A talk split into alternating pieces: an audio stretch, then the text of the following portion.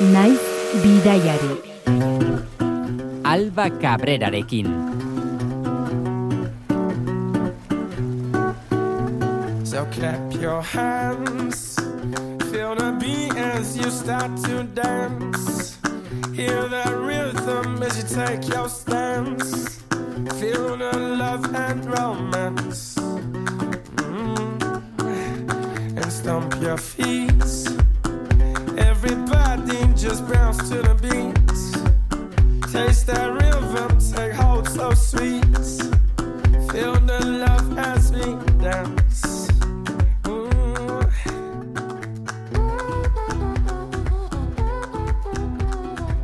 Kaixo entzule eta ongi etorri beste behin bidaiari saiora. Hemen gaude beste astebetez, helmuga berrietara ailegatzeko gogoz.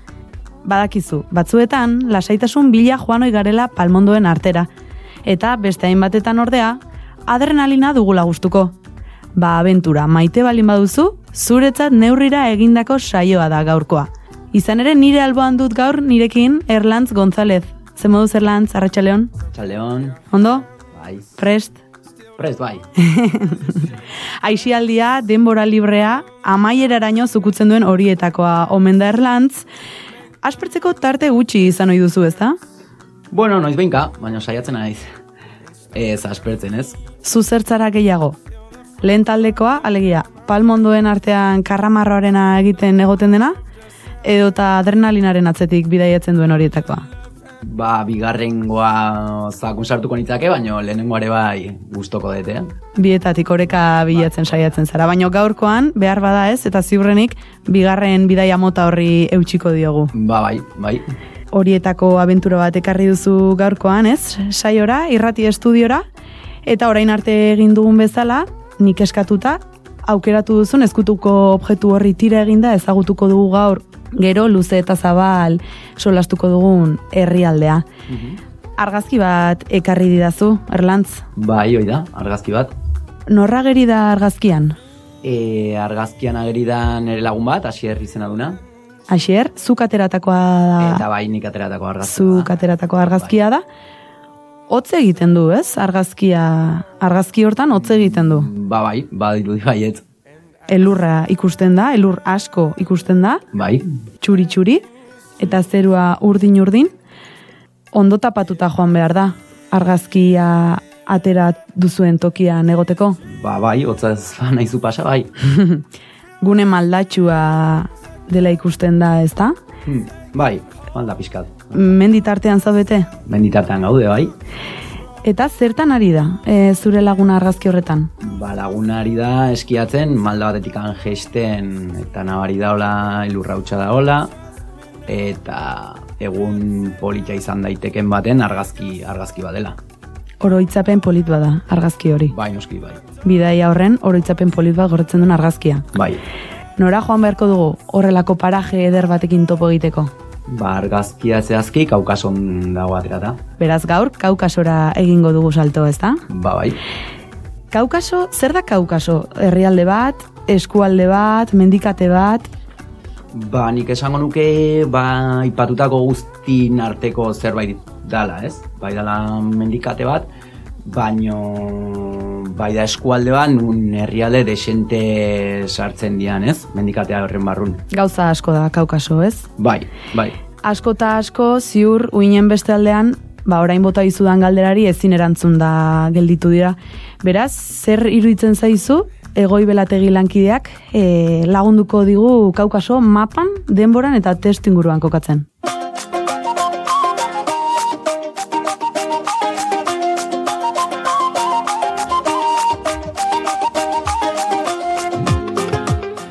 Kaukasoko mendilerroa partekatzen duten Georgia eta Errusiar Federazioa bisitatuko ditugu gaur. Eta azken honen barruan zehatzago izateko Kabardino Balkariako Errepublika Errusiako entitate autonomoetako bat.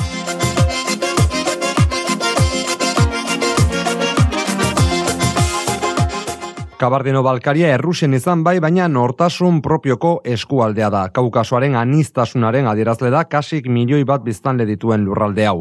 Errusiarrarekin batera Kabardinoarra eta Balkariarra dira errepublikaren hizkuntza ofizialak. Lehenak, Kaukaso iparmendebaldeko zirkasiar herriaren parte dira, bigarrenek berriz, herri turkikoekin partekatzen dute jatorria. Bi herri hauekin batera, errusiarrek osatzen dute populazioaren gehiengoa.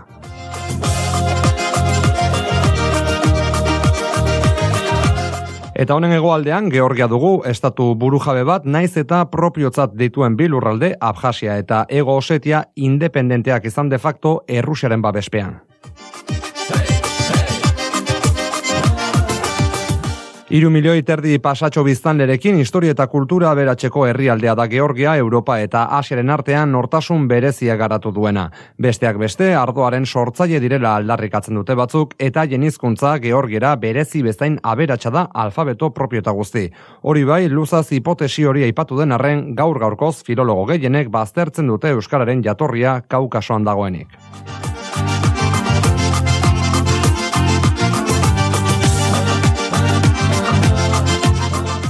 Horta, zeremu txiki batean ezberdintasun asko akaso milaka metroko mendiek baiaren autonomiaren babes izan direlako eunka urtez. Izan ere, kaukasoa hitz egiten badugu, berdin dio zein herrialde edo eskualdetan mendiez eta mendizaletasuna hitz egiten dugu, ezin baitu guaztu Europako mendirik garaiena, bos mila seion eta berrogeita bi metrorekin elbruz dela, hain zuzen kabardino balkarian kokatuta eta georgiarekiko mugatik ez oso urrun. Azken honen barruan, eskara eta kazbek mendiak ere baditugu, biak bos mila metrotik gorakoak eta ondorioz Alpeetako Mont Blanc baino altuagoa.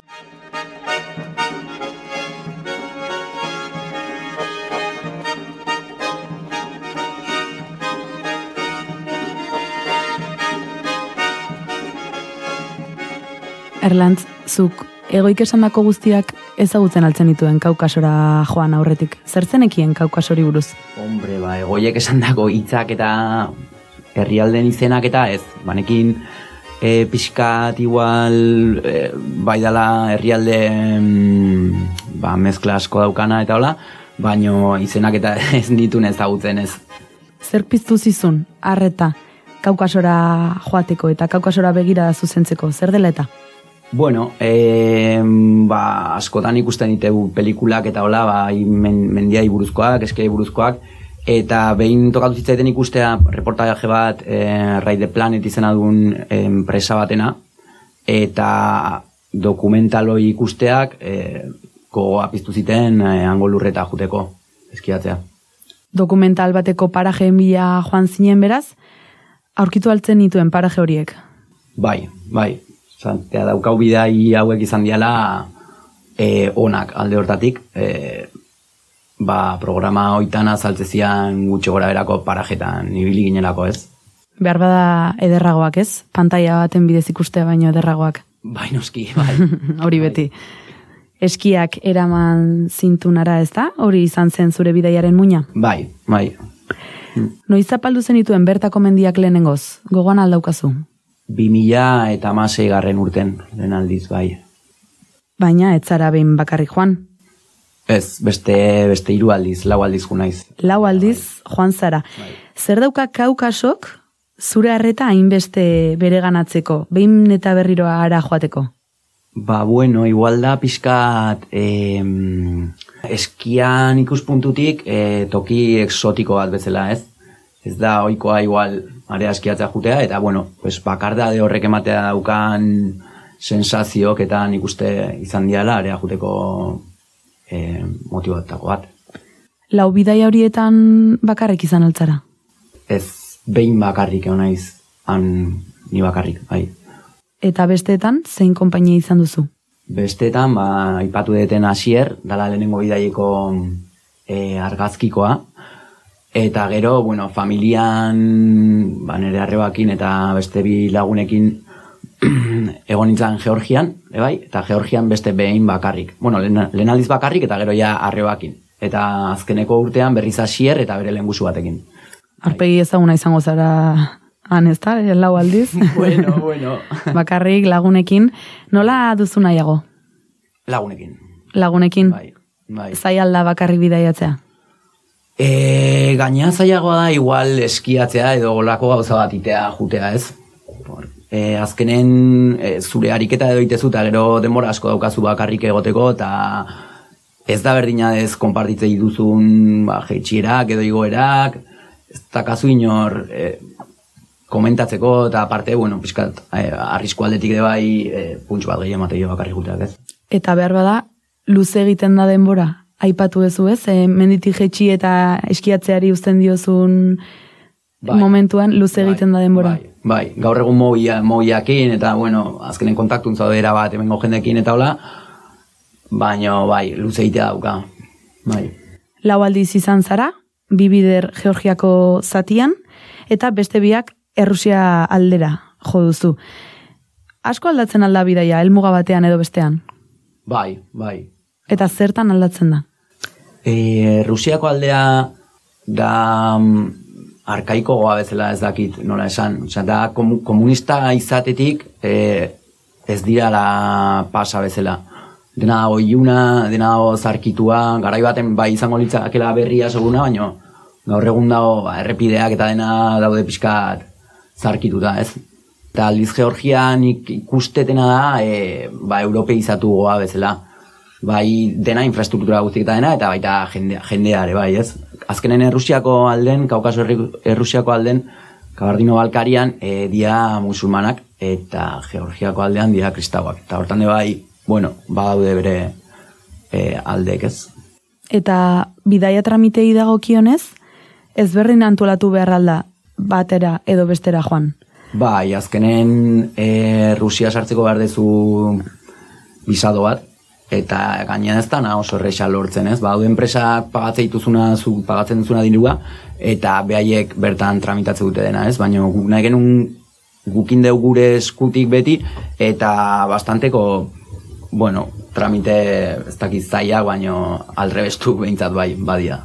Eta bertara joateko, zuzenean egin zenuten, edo eta em, lehenago beste herrialde batetik. Bai, normalen eh, Estambulen iteia zerak eskalak, bai. Estambulera joan, eta Estambuletik salto, bai, Georgiara eta bai eh, Rusia aldeko... Bai, bai. Area Rusia zuzenen ez, porque da eh, mineral nibodia aeroportu bat, bueno, ez dala, ez dala oso handia ez, orduan zuzenen ez. Ba, Tbilisira, dala Georgiako hiriburua, area igual bai eukiko dituzula zuzenen, bai.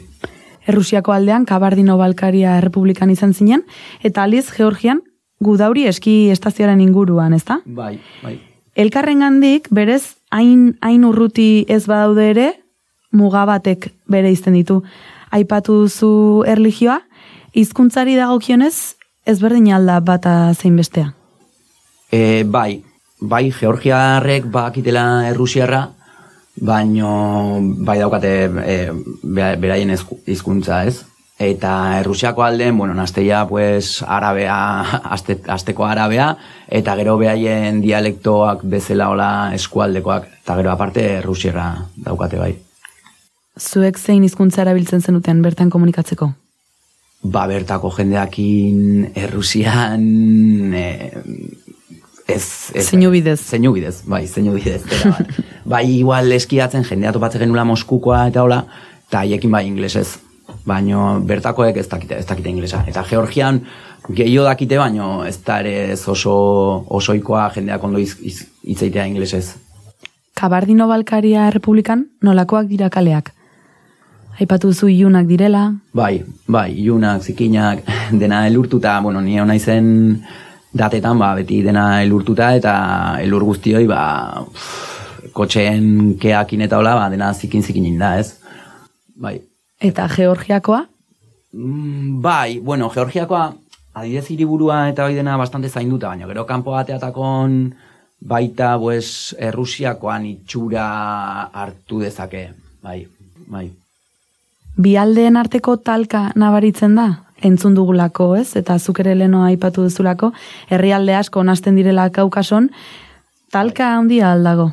Bai, azkenen, bueno, Errusia em, egoiek esan duen bezala azkenen, ba, Errusiak dauzkadi ez Georgian bi eskualde be- bere beretzat hartuak bezala ez.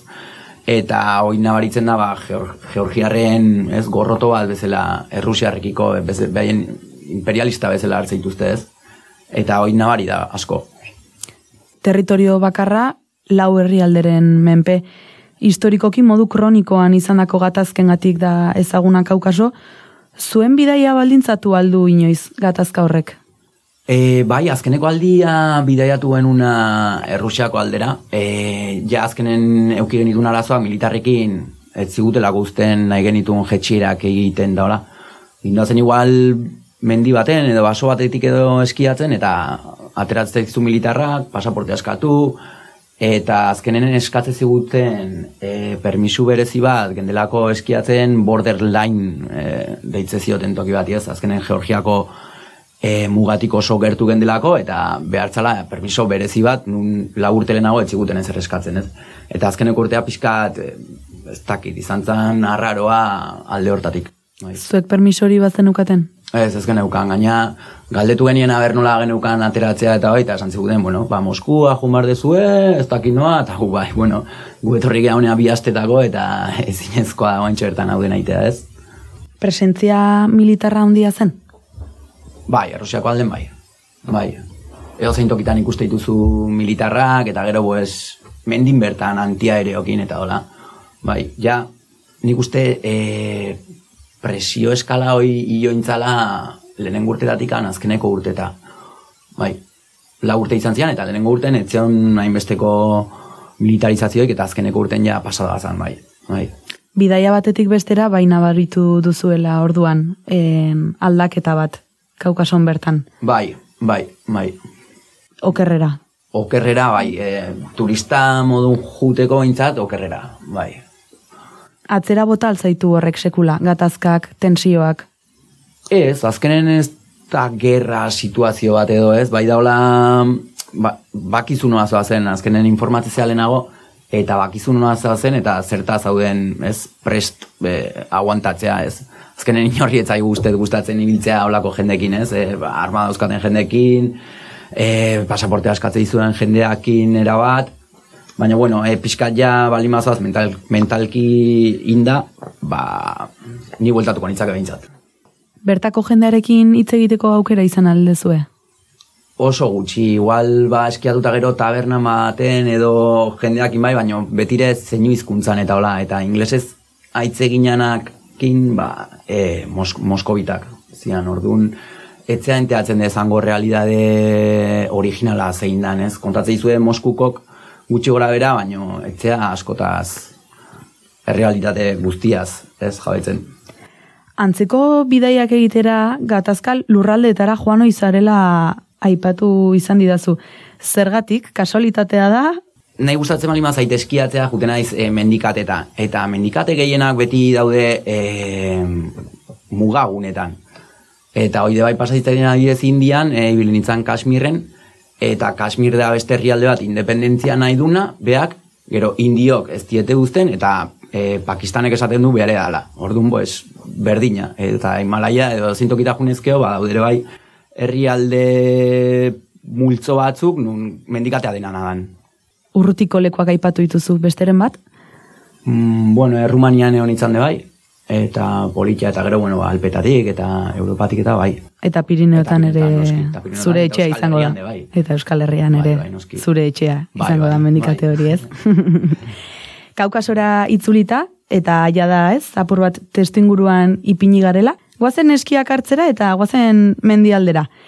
Baina malda igotzen hasi aurretik, gaurkoan ekarri duzuna bestia entzungo dugu pixka bat, ba, gu ere kaukasoko hotzetan murgildu gaitezen. The expanding horizon, wind in my face, breeze in my hair.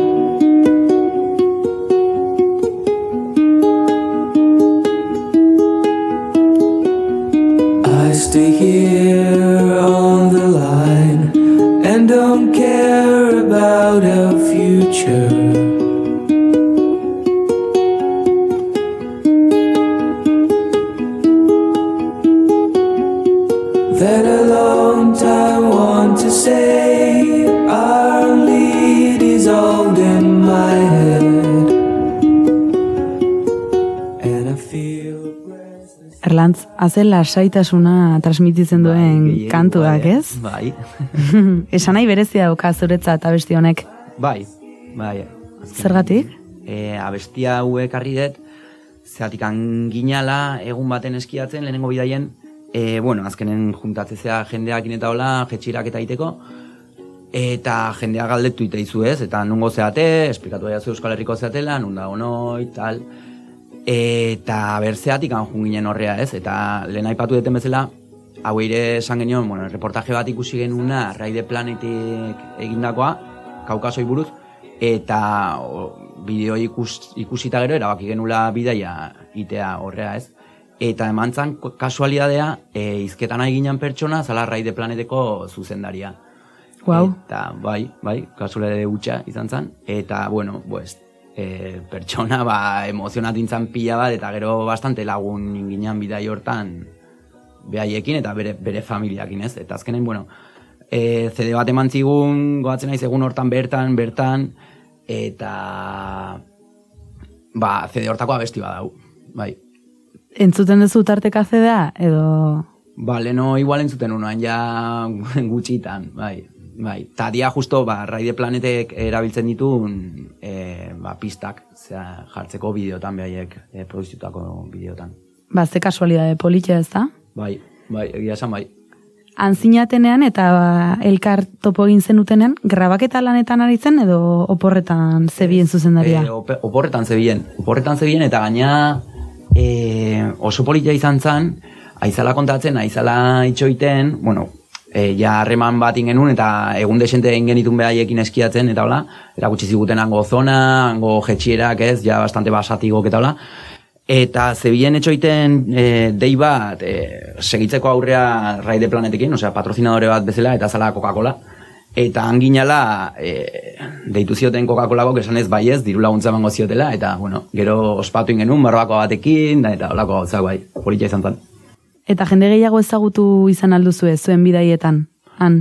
Bai, azkenen bai, ezagutzen zoaz jendea, bai, bai, bai. Ba, gu bezalako jendea igual kanpotik jundako, edo bertan Moskutik jundako gehienak, bai. Urteko zein garaitan joan izan zara? Ba, negun. E, izatea zeukan bai e, guberrikaldea eta gero ba urtarria eta otxaien, inguru horietan, bai. Zer sartu maletan, horrelako hotza egiten duen toki batera joatean? Ba, bueno, ba, ropa ba, gutxinekoa, eskiatzekoa soilik, eta eskiak, eta bastoia, materiala, olako gauza, gero jazteko arropaik eta, ba, zero. Bai. Eskiak eraman zintunara, zein eski modalidade egitera joan izan zara? Ba, bueno, han igual kombinazio bat bai mendiko eskiana eta freeridana, gutxi gora bera bai, kombinazio bat izango litzake. Eta zertan datza freeride eskiak? Ba, bueno, azkenen bilatzen dira jetxierak, e, pues, pixkat igual komprometituk esango genuke dola, baina zonalde igual bitartea, bimendia arteko zona estuk, edo ez dakit, edo malda handia daukatenak, eta gehien bat bilatzen dana de bai da, elurra, elur kalitatea ona izatea, elurra hutsa eta ona, bai. Zertan bere izten dira Georgiako eskipistak, Errusiako zatiarekin alderatuta? Bueno, Errusiako zatin dena dago zaharrikitua, e, pues, adidez telesillak, e, goatzen naiz batek ez zeukala eskiak apoiatzeko, orduan jende askok eta oso, oso, oso motela zen, eta jende askok eski kentze zitun, eta, eta eman zuk bertan, ez? Telesilla adidez kate bat zeukan, ez dauka, ez daukate seguridadeik, eta Georgiako aldea aldiz, dena ja, e, eu- europeizatuta bezala, ez? Dena telesilla berrik, e, instalazio sonak, bai. Pirinotara joango bagina bezala? Bai, incluso hobeto segun zetokitan, bai. Kalidade aldetik Bai, osea, maila handikoak. Eh, bai, hoi da.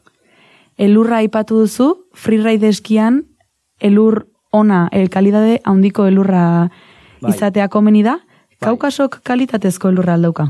Bai, esatea daukau baiet. Azkenen e, dao itxaso beltza eta kaspio itxasoan arten, eta horrekite jo ume, humedade desente biltzea atmosferan eta precipitazio desente itea hotzakin, altu, altueran daulako kaukaso ez. Eta bueno, ordun e, bi motibo gatikan gehien bat, elurra bastante, bastante ona, da, bai. Eta teknikoki, exigentzia maila handiko maldakaldira, kaukasokoak. Bueno, gudauria adibidez e, Georgian da eskipista normal batzuk bezala, oain gaina obrakin dituzte eta oso ondo behatu da, eta Errusiako alden e, gu ibili ginen estazioa txeget izena du, eta bueno, jotzeizu, ba, ez dakizian, bi mila metro edola bisilatan, eta gero ez daude, ez daude pistak, ez daude zer orduan freeride bastante bastante e, meka bezala izango litzake. Bai, bai. Europaketik kanpo, noski. Bai. Eta Europa barruan meka eskiatzeko? Ba, eukiko nituzke hor alpetan edo zintokita matxamoniz eta eta lagraf izango liak hemen freeride mundun igual mekak, ez? Baina gero eskian mundun, osea, mendiko eskian burun mundun, hor daude ba, Norvegia, bezalako toki politiak, ez? E, edo Pirineotan edo zein tokitan. Gu hemen ibiltzea gehien bat, Pirineotan, eta Euskal Herrin, lurraiteunen, eta hemen dauden tokik, pff, igual ez dituzu aurkitzen munduko beste puntan. Eskiaz gain, izotz eskalada ere praktikatzera joan zinen. Bai. Non, egin zenuen? Ba, bueno, eman genitun bazpare, porque ikusi genitun e, kaskada batzu zeudela guk eskiatze genunetik bastante gertu, kilometrotan, eta nola azkeneko bidaien e, militarrek Ez ziguten usten nahi genuen tokitatik eskiatzen eta ba, erabaki genuen bisitatzea jutea kaskada horiek. Ta ea izotza aukiko zuten. Porque ez genekin, ba genekin kaskada bat zuzuela. Otzaitezula gara joirtan, baino ez genekin izoztuta egongo zianik. Eta jetxiginan hiri batean, naltxik, dala hiriburua kabardino balkariakoa, eta handikan hilo ginen beste herri batea kaskada horiek topatzea, eta bai, izoztuta topatu genitun, eta al izan genuen zeo zegin behintzat, bai. Eskalatu zenuten? Bai. Ur jauzi batean? Bai. Wow. Hoi da. Esperientzia berezia izan behar da, ez da? Bai, gaina, eske, kuriosa zan, porque tasin junginan han merkek dia gauza guztik, eta tasistartu genuen egun guztiako area juteko. Eta geni, geni joan karreteran, eta ur jauzika ginen ikusten izozuta, eta esate ginen, bueno, ez, e, geatu eben, e, ordu erdi egongo gea kaskada eskalatzen da ba, tipoa flipatzen nahi zan, ez dakit, esatezun hauek, ze... Txoratuta daude. Ze, ze jobia raro dauzkaten, ez? Ez da oikoa. Horrea, gesteia, eta esatea tema, venga, martxa, eta aurrengo kaskadara arte, ez? Martxa intzegen duten, kaskada bai, diferenteak. Bai, taksin, bai, bai. Eta, bai, kurioso, baina pf, azkeneko urtetan hemen pirinotan ere ez da hain erresa igual izotza bilatzea, igual asko, asko ibili barreko tokitara, edo eta han ba karretera baztar baterren, bai, bai, bai. Artzenetik aste ginen eskalatzen, bai. Taxista animatu zen probatzera. Ez, ez animatu. Komeli alda lehenago arroka hautxean eskalatzea, izotza probatu aurretik. Bueno, ba, ba, nik uste toi evoluzio bat bezala dela, ez? Osea, arroketan ez bali mazea ibili, izotetan ez detuzte jendea unganik ibiltzeanik, ez? Bai. Zertan bere izten da, izotz eskalada arrokako eskaladatik? Bueno, e, ba, gauza, desente ez, azkenen arrokan, arroka beti da hor, kondiziok, bueno, ba, eguraldianak edo melada hon edo ez, baina izotza gehiago behiatu behar da, ze kondizio dauden, izotza dengoan edo ez, azteko, izotza motak aldatu asko ere bai, eta segurtasun aurretik, azkenen izotzetan, e, segurua zu, zu jartzituzu, tornillo, tornillo moduko batzuk, eta igual komprometitu go bezala ikusiko nuke. Segun ze eskalada motak inde bai, ez? Eskalada mota pila daude ere bai. Que, arrokan, nahi esan. Bakarrik egin aldaiteke izotz eskalada edo tan norbaitekin joan behar altzara. Hombre, arrokako eskaladan bezala bakarrikan al alkoholitzak egin bai, baina bueno, komenigarrigo igual, igual lagun batekin jutea, edo bikin. Taxistaz gain, beste norbaitekin egin zen, Bai, ez? bai, Izotz asier- eskalada. asierrekin bai, bai. Eta taxista argazki lanetan jarri zen duten. Bai, hoi da. Bai. bueno, entretenitua, ez, lana. Batzen naiz baten gaina esan behar izan genion e, taxia pixkat apartatzeko, e, izotza azkenen pioletak emate jozunen, e, nola zati batzuk desprendititean, eta ba, pixkat apartatzeko, porque eman ingo geniola bestela. Taxia osorik itzuli zen etxera. Osorik izuli izan bai. Bai. Eta taxista pozpozik. Bai, bai, gukin botazun egun guztia, gero eman zigun gaina e, naltxik iriburua pixkat bisitatzea eta hola, eta gu kontentu, bai. Bai, Lagunak egin zineten horre. bai pixkat. Eskia, izotz eskalada, Kirol turismo handiko parajea da kaukaso, ez? Bai, eta udaran, de, bai, Georgia baina didez oso modan jarri da, bai, udaran juteko, eta udauriare bai jendea juten da eskiatzea gaur egun bai. Nork bisitatzen du, batik bat? Ba, oaintxe bertan, mendi eskala, eskialari desente juteia area, bai. Udauria gehien bat, e, gero, karo, e, Rusiako alden Elbrus dago, eta udaran e, pentsatzetarea, jendea desente jungoala, hilo nahi dutenak area, ez? Turismo egiteko modua asko aldatzen alda uda sasoian joan ala neguan. Ba, pentsatzet, baietz, udan ez naize honan, baino nik uste preparatu egongo ala. Udarako turismoako negu, negukoako baino, bai. Uda partean elurtuta egoten alda, mendikatea. Bueno, ba, mendi altunak, bai, azkenen glaziarrak eta dauzkate ez. E, bos mila eta pikoko metroko mendik dia, eta bai, elurra, elurra daukate udaran, bai. Baina senderismorako ere aukera ematen dute. Bai, asko. Bai, bai, bai, bai. Eta gero aparte daude gazteluk, daude tenpluak, daude... Bai, lurralde historiko potentea da, bai. Kaukaso barruan, taksi aipatu duzu, beste garraio biderik erabili alduzue, ara eta ona mugitzeko. Ez, ez. Erabat taksin, bai. Eta kaukasora joan aurretik, buruan dauzkazue, zein tontor egin egitu zuen, zein pista jetxin egitu zuen, edo eta apur bat itxuan judanten zarete. nago etxeko lanak iteia. Bai, bilatzituzu mapa, bilatzituzu e, zeine ondanan informazioa bilatu, nola jun daiteken adibidez aireportutikan zona hortara, edo gero zema baliouten pistak, edo beti iteia olako etxeko lanak, ez? Eta egun osoa kirolean egon ondoren, zer egitea duzu gustukoen? Jo, ba, rutxako alden adibidez bozka edatea zan. bai, juntatze ginenan eh, Moskuko jendeakin eta hola, eta raide planeteko zuzendariakin eta jende honekin, eta plana zan eskiatzez bukatu, eta hoteletik eta pasagabe, gehatuan dauden txalet moduko ba, taberna bezala, baino da etxeak bezala, eta bueno, astezian bozka botiak ateratzen, eta eta edatea, eta zerbait jatea, bai. Eta zuek esperientzian bete-betean Ba sartuta, bai, ez? ba bai, benga baino gehiagotan pasatzea egun batealea pixka marea duta jutea. Eta aurrengo egunean zein jekitzen da, Ba, mendira bai, joateko? Ba, ba olako pasatzea izan zaizkigu bai. Ajearekin mendira joatea, Ba, alegia. bai, ba bai, bueno. Baina hotzik ez. Hotzik ez bate. Deskanso egun bat urrengoa eta aurrera. Hoi da, hoi da, bai. Zein duzu gailur kutxunena? Ba, hango ingurutan igual kazbek da politxena, netzat, bai. Igota daukazu? Ez, ez daukat igota. Ez. Eta igotzeko gogorik?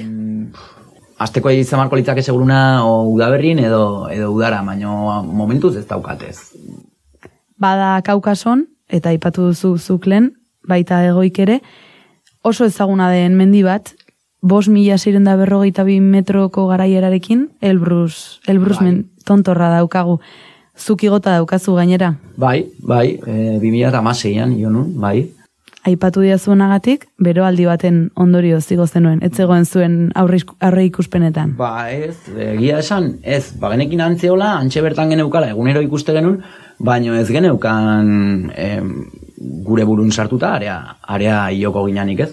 Baina, bueno, hangema azkin ja, iru aste edola, junginan, lehen aldiz, 2006an, eta ja pixkat eskiakin eta hola, bueno, aspertuta ez, baino ja jetxera gehienak ingenitun, erpikatuta, Eta erabaki genuen Elbruseko kanpo base modukoa jutea ba, fokeatzen ez, osea eskikin e, trabesia egiten eskin, mendiko eskin. Eta, bueno, aurkitu nintzen ondo, eta xierri esan nion, jetxeko nintzala hotelera, zaku hartu, eta aurrengo egunen ingo nula Elbrus ez, han loin da, e, kanpo base hortan loin da. Eta xier, bozka daten gelitu zen. Ba bai, olako zerbait ingo zuen, ez dakit, ez zertan ibiliko zen. bai, Koka gaitezen, aixerri komentatzen diozu, Elbrus igoko duzula, zer sartzen duzu motxilan? Ba, bai, da, zer sartuko nu motxilan. Gauza izan zen, e, kanpo basen gendela, daude txabola moduko batzuk, diala gaina gehienak dia kamioi zisternan e, kargak, eta, bueno, ja daude preparatuta refugio modun, ez? Eta bat irikitazion. Eta orduan esan, bueno, ba, han gasa eta dena zion, orduan nik esan, bueno, zakua iokoet, eta ez dut zerbello behar, ez, ka, ez kampingasik, ez uraiteko edo tramankuloik, ez janasko, eta orduan ba, zakua eta arropa pila bat hartu nun, bi plumi, e, pff, bi galtzapare, banekin hotza ingozula, genden e, urtarrian emeretzi izan. Eta hotelea jetxi ionitzan gora, eta zea, eta refugio itxita zion. Orduan, gauza zan, nik elbus nahi nunin, eta esan nun zein goet lo kanpon, hemen gutxi gora bera hengo ditu ba minus hogeita marre dola, gauen, edo bestela beranoa, eta kasualidadea iotzian e, Rusiako reskateko kideko bi pertsona area lota ba, gau bat pasatzeagatik, eta bueno, gonbidatu ziaten behaien, behaien refugioan loitea. Sortea zurea. Sekulakoa, bai, bai, bai, bai. Bestela kanpoan egingo zenuen lo, eh? Preste egingo zinen. Bai, edo bestela, bueno, bilatuko nuna berran besten bat, aber, irikita zeon, edo lako zerbait. Leiot batetik sartu la, baina, baina bestela kanpo ningo nun, bai, bai. Eta nolakoak dira etxola horiek barrutik? Ba oso politia, porque han, eh, Errusiako alde hortan, bai, beran, bai, arande bai, daude oso ituta, kamioi zisterna oro hauek, diesela eta mateana, o petrolea, o lo que sea, e, ba, pixkat jartzen etxe bezala. Eta daukate dena egurrezkoa, dena da borobila bezala. Ez dakit nahi e, irutzta izdala, hola, el señor de los anilloseko la hobitan etxe bezalako zerbait, ez? Bai. Eta hotzetik babesteko zerbait badaukate? Ba, da- Diot, azpiegitura aldetik zisterna horiek? Aldetik hor ez, ez, ez daukate zer, bueno, sua, gasa, dazkate bonbonak, eta bueno, azkenen zu kaldatzen bazu edo, bai, bai berotzei ala, baina nik teunotzakin pff, negun hotza da, bai. Beraz, bi plumifero ez hiru edo lau ere. Ba, aldituzun guzti, bai, goatzen naiz urrengo gunen elburusea iotzeakon, e, urbotilan emakin lehenengo plumiferoa marrun, banekin motxilan izoztu ingo zala. Eta alare izoztu intzan, lehenengo plumiferoa marrun, eta sartu barri zanun ja e, gorputzea ia, ia, bai. Apur bat urtu eta ura da analizateko. Bai, hoi da, hoi da, bai. Egun batean igo zenuen? Handi bai, lau mila egun metrota inunlo, eta, eta hortik egun baten bai. Eta gero ja beraino eskiatzen, bai. Gogorra alda igoera, azken igoera hori. Bueno, azkenen zaude bos mila eta piko metrota eta gorputzak ba, nabaritzeu ez, osea, arnasketa ez da berdina, baina teknikoki ez dauka gauza hundik, orduan nik uste erre, erresiten dara ez, bai. Gorputzak neurria hartu behar aldio alturari. Bai, normalen bai, bai. Eta nik neukan abantaia egun hortan zan, egunero aitu ginela eskiatzen iru mila metrotik gora gehienetan. Orduan ja gorputza pixkat e, ina eman nun, ez? Eta klimatatuta ez balin bazade, zeintzuk dira sintomak. Bueno, ba mareoak, e, buruko mina, e, nekea, sartzea dauka bai gora galea, olako gauzak izango liake bai, normalen olako gauzak izatea. Urtarriak emeretzi batez, bos mila sirunda berrogeita bi metro garaierako tontorrera Elbrusera iritsi zinen, zer ikusten da bertatik?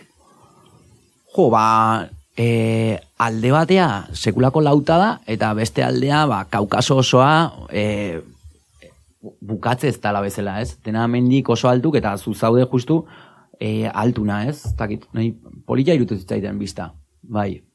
Txuria dena. Bai, bai, alde bat txuria, eta beste aia marroiska, ez? Isiltasuna nagusi da. Bai, eta izea, angoran bai. Isiltasuna ez dakit, igual zarata gehiago bateatzeko aizeak, isiltasuna baino, bai. Nola egin zenion aurre, puntan egiten zuen hotzari. Ah, ba, ez er jantzi eta jazta. Bai, bai. Gora igo orduko, bera jetxi. Hoi da, bai, argazki bat atera eta guantek ez da kendure. Ezakit, eh, predikzioa zan minus berrogei ingurukoa edo la, egun hortako. Orduan, eh, edo zein kontaktu hotz horrekin a- azalai, pf, bakizu ba, arriskua daukala erretzekoa. Eta ez nun ez da, ez da guante ikendu eta ez errez, ez ez. Gainera, anekdota gisa, lehena izan omen zinen, ez? Urte horretan elbrus igotzen. Bai, gero herria jetxin itzanen, bueno, lehenengo gauza hasierri esan nion, e, jo, eio, inau goraino, eta ez dakiz ere, eta zorion du ginen, Zorren ziten, eta gero gendenen herrin, e, santziaten e, ezinezko bezala etziatela sinisten taula. Ezinezkoa zala, e, garaioitan hilotzea, eta bueno, ba, erakutsi nizkien GoPro moduko kamera bat eraman nun, eta irakutsi nizkien bideo argazkik, eta gero ja sinistu ziaten, eta esan ziaten urte hortan izango nitzala lehenengoa, seguro gaina, e, elbrusea hilotzen bai. Sasoi horretan ez dago iturarik elbrus igotzeko.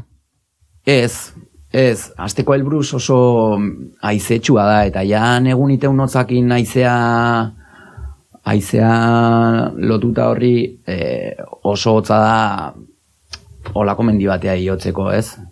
Bai, eta bai udaran oso tipikoa dela, area jutea, baino neguan ez dut uste, ez? Lau aldiz kaukasora, eta horietako batean gailur potolo bat zapalduta, izango alda bosgarren bidairik erlantz. Bai, nik uste baiet, bai. Momentuz ez daukat pentsatuta, baino e, bueltatuko nitzake eta nik uste bueltatuko naizela, bai. Eta zein tontor zapaltzera itzuli nahiko zenuke? Ba, tontorra ez nun pentsatuko, baino bai gustatuko litzaiak jutea lagun talde bat Georgiako gudauri ingurutara berriz, ez? Desente jende pilatu eta area jun egun batzu pasatzea, bai. Amaitzen joateko, zer gomendatuko zenioke kaukaso aldera joan nahi duen norbaiti, zure lagun bati? Zer gomendatuko nioken, e, bueno, pazientzia ukitzeko, jendeak inena hola, oi toki guztitan bezala. Eta aldiz, zerretzen nioke gomendatuko? Ba, gaur egun igual Errusiako aldera jutea, ez? Kabarrino malkariara eskiatzea, enioko gomendutuko, guk azkeneko urten euki genuen egoeragatik ez, militarak ez dizula uzten da biena, bai. Rai de Planet dokumentalaren gatik, joan zinen zu kaukasora, joango altzara, Rai de Planeten beste paraje batzuen bila? Ba, posible da, posible da, eta igual gaina ja ikututa dauzkat beste beste pelikula batzutan bota dituztenak, ez? Uste baiet. Zuek ere dokumentatuko alituzu aurrerantzean zuen bidaiak. Ha, ez dut uste. Ez guk atera itzaiteko argazki, bideok, eta jazta. Zuentzat, eta... Hoi da, bai, bai, bai, bai. Eta herritarrek sinistu dezaten, ez, elbrusigo bai, dezula. Hoi da, ama, amaiera guzteko gero argazki. bai. Ba, Erlantz González, mila esker, kaukasoko mendikatea zeharkatzen laguntzeagatik. Eskarrik asko zuei. Naiz bidaiari.